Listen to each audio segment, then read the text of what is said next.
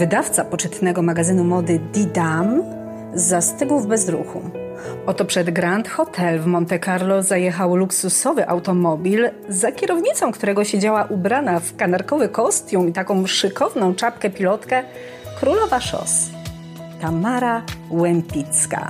Jedna z najsłynniejszych portrecistek Art Deco. Widok Łępickiej do tego stopnia zachwycił wydawcę, że niedługo potem jej autoportret w zielonym Bugatti trafił na okładkę Didam. Tyle legendy. A jak było naprawdę?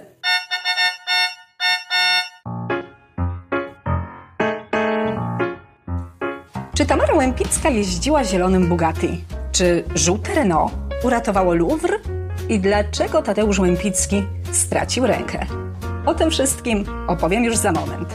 Nazywam się Agnieszka Kijas i jestem krytykiem sztuki, a wysłuchacie kolejnego podcastu z serii Dawno temu w sztuce. Czyli wszystko, co chcesz wiedzieć o malarstwie, ale bez nadęcia. Dzień dobry wieczór, bo tak naprawdę nie wiem, czy słuchacie mnie rano, w południe, wieczorem i właściwie to nie ma znaczenia. Znaczenie ma tylko to, że wreszcie mogę się do Was odezwać. To jest mój pierwszy pokowidowy podcast, że tak się wyrażę. I choć jeszcze nadal jestem chora, choć nagrywam z łóżka, a nie w mojej kochanej szafie, to nawet nie wyobrażacie sobie, jaka jestem szczęśliwa. Dziękuję Wam za słowa wsparcia, za cierpliwość, za to, że na mnie poczekaliście, za życzenia powrotu do zdrowia i choć sił jeszcze w pełni nie odzyskałam, to i tak naprawdę jest dobrze. Dobrze, bo mogę nagrywać. I dziś, zgodnie z danym słowem, opowiem Wam o Tamarze Łępickiej, czyli o baronowej z pędzlem, bo tak ją nazywano. I ten podcast muszę oczywiście zadedykować aż trzem osobom, bo tak się składa, że o Tamarę prosiło kilka dziewczyn. Po pierwsze Aleksandra Wójcik, z którą mam nadzieję, że niebawem nagram wspólny podcast, bo Ola prowadzi taki fajny kanał Kobiecość w Eterze. Jak coś polecam, odsyłam. Warto posłuchać, a być może niebawem także i mnie na tym kanale usłyszycie. O Tamarę prosiła też Magdalena Pałka, także na jej życzenie również ten podcast nagrywam. A dodatkowo myślę, że ta opowieść ucieszy jeszcze jedną słuchaczkę, Karinę van der Tuin. Przeprowadziłyśmy taką bardzo fajną swego czasu rozmowę i myślę, że ten podcast przypadnie jej do gustu. I słuchajcie, jeśli wy również macie jakiś temat, który chcielibyście, żebym poruszyła, oczywiście mówimy o tematach malarskich, czyli ulubiony obraz albo ulubiony artysta, to po prostu piszcie do mnie na mój Facebook facebookowy fanpage dawno temu w sztuce. Jestem też na Insta i zgłaszajcie mi te tematy. Jeżeli tylko będę znała artystę, o jakim chcecie, żebym opowiedziała, jeżeli tylko będę znała ten obraz, bardzo chętnie zrobię o tym podcast. To mi dodaje takiego fajnego powera. No dobrze, ale wróćmy do Tamary i do tej historii o zachwyconym wydawcy, któremu dosłownie odebrało mowę na widok Tamary w zielonym Bugatti. Tę opowieść śmiało możecie włożyć między bajki, bo ona się nigdy nie wydarzyła. Łępicka była po prostu mistrzynią, i to mówię z pełną odpowiedzialnością, mistrzynią wizerunku. Nosiła najmodniejsze stroje od najlepszych projektantów i zawsze wyglądała jak milion dolarów. Ale, i to taka ciekawostka, ubrania kupowała niezwykle rzadko. Domy mody same oferowały jej swoje stroje, wręcz zabiegano o to, żeby Tamara się pokazywała w tych konkretnych kreacjach. Była taką chodzącą reklamą, żywą reklamą, coś jak hollywoodzkie aktorki, które na czerwonym dywanie prezentują najdroższe kreacje. I myślę, że Łępicka doskonale wyczuła, czym jest marka osobista, bo ona bardzo dbała o swój wizerunek, o to, co o niej mówiono, o to, co o niej pisano i także uwielbiała zmyślać opowiastki oraz mity na swój temat, przez co narosła wokół niej taka aura kobiety nowoczesnej, kochającej przepych i luksus. Jednym z takich kłamstewek jest właśnie to, jakoby wydawca Didam zaoferował jej pracę, bo zobaczył ją za kierownicą zielonego Bugatti. Prawda jest jednak taka, że artystka z Didam współpracowała już znacznie wcześniej, a kulisy zamówienia okładki nie miały nic wspólnego ze spotkaniem przed hotelem w Monte Carlo. No ale jak to brzmi? Niemniej faktycznie ten autoportret, Tamara w zielonym Bugatti, trafił na pierwszą stronę niemieckiego magazynu mody. Utrzymany jest on w lekko kubistycznej manierze, bardzo typowej dla Łępickiej, bo u niej wszystko jest pocięte ostrymi, geometrycznymi liniami. Ona sama wygląda na nim jak żywcem wyjęta z powieści Agaty Christie. Ma ten błysk w oku, bladą cerę, wręcz posągową. Ten profil jest taki właśnie posągowy. My go znamy z rzeźb greckich. I ma jeszcze tę czapeczkę pilotkę. Ma ten rozwiany szal, ma cielęce rękawiczki, które zacisnęły się na kierownicy. No to jest świetne. Świetne jest także kadrowanie. Takie z ukosa, przez co widać ledwie fragment zielonej karoserii. I my dzisiaj, w XXI wieku, dokładnie w ten sam sposób robimy zdjęcia, takie kadrujemy, bo wtedy one po prostu wyglądają dobrze. A tutaj proszę, lata 20, szalona kobieta maluje portret z takiej perspektywy. No wow! Ale co ciekawe, najprawdopodobniej Tamarę do namalowania akurat tego portretu również zainspirowało zdjęcie. Zdjęcie, które pokazało się w tym samym magazynie mody i chociaż ono nie wygląda tak samo, jak to w ogóle nie wygląda, bo przedstawia tylko dziewczynę, która prowadzi taki nowoczesny automobil, to ono stało się dla Tamary inspiracją.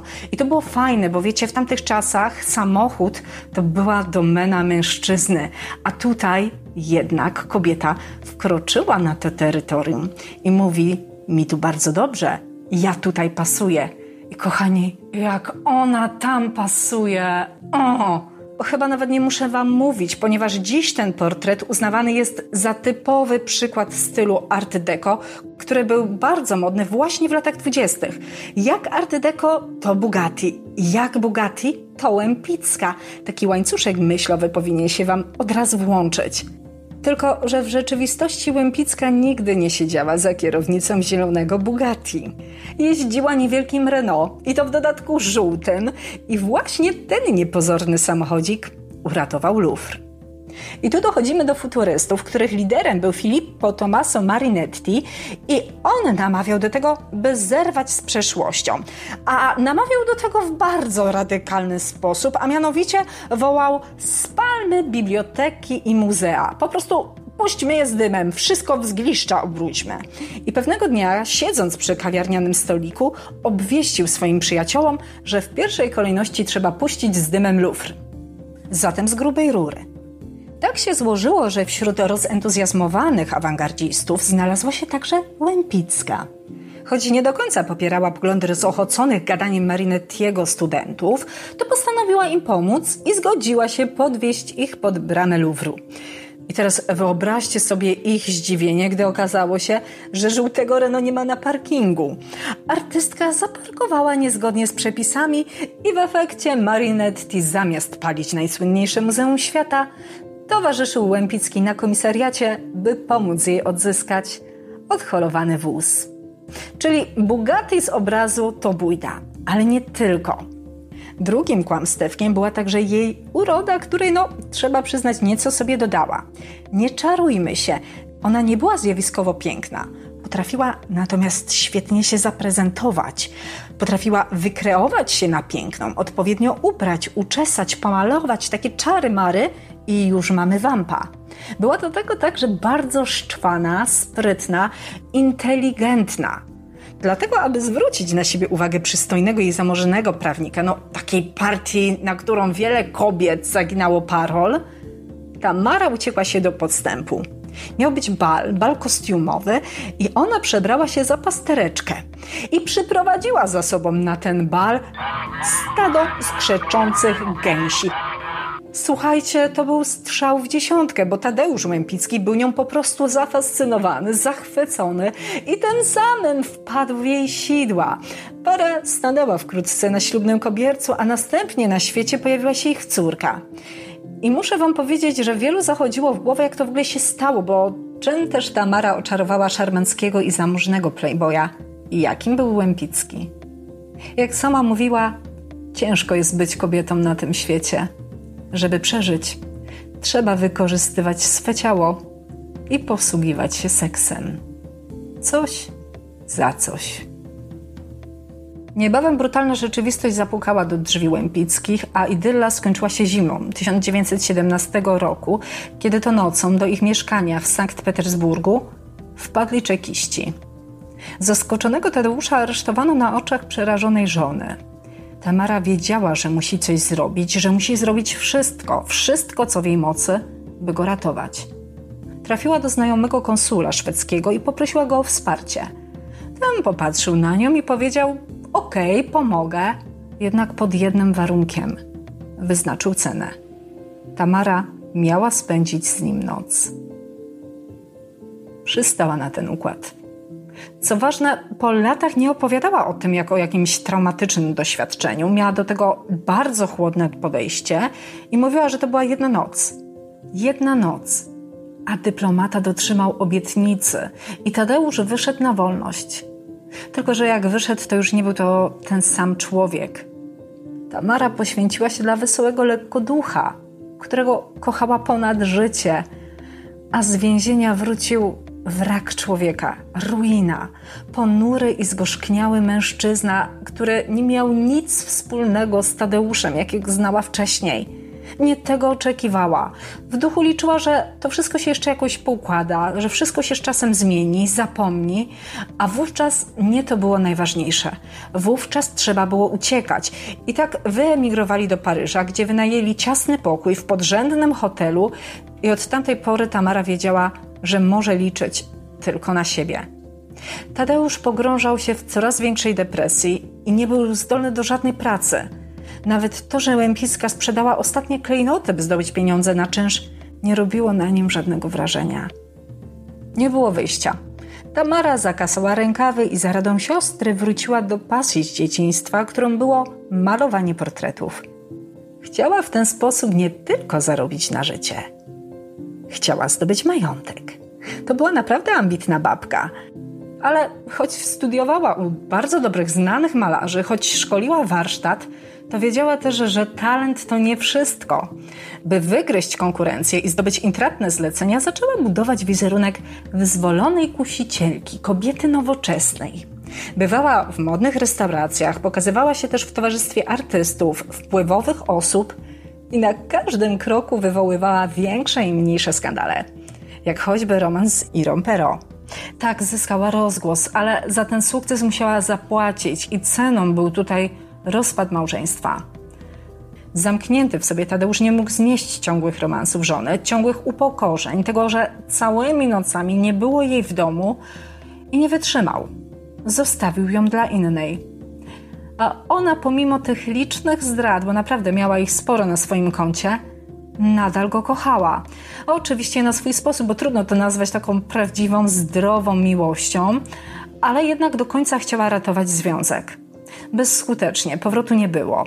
I w rozpaczy, kiedy już naprawdę wiedziała, że to jest koniec, chwyciła za pędzel. Namalowała wtedy jeden z najbardziej dramatycznych portretów w historii malarstwa. Widzimy na nim mężczyznę. To Tadeusz. Tylko, że Łępicka nie domalowała mu dłoni. A skoro nie ma dłoni, nie ma palców skoro nie ma palców, nie ma obrączki. I tak to się kończy. Co było potem? Oj, bardzo dużo rzeczy, łącznie z małżeństwem z baronem. Tam się naprawdę sporo działo, ale to nie jest już historia na dziś. Dzisiaj będę się z Wami żegnać i zostawię Was pod opieką młodej i zdolnej tyszanki, kompozytorki, która ma naście lat, Hani Derej, która zagra na finał specjalnie dla Was. Przypomnę tylko, że na Wasze zgłoszenia tematów do kolejnych odcinków czekam na moim facebookowym fanpage'u, który nazywa się dokładnie tak samo jak ten kanał, czyli Dawno temu w sztuce. Jeśli znam obraz albo jeżeli znam artystę, o którym chcecie usłyszeć, to bardzo chętnie zrobię o nim podcast, dlatego śmiało piszcie do mnie, a póki co trzymajcie się zdrowo i do usłyszenia. Mówiła dla Was Agnieszka Kijas.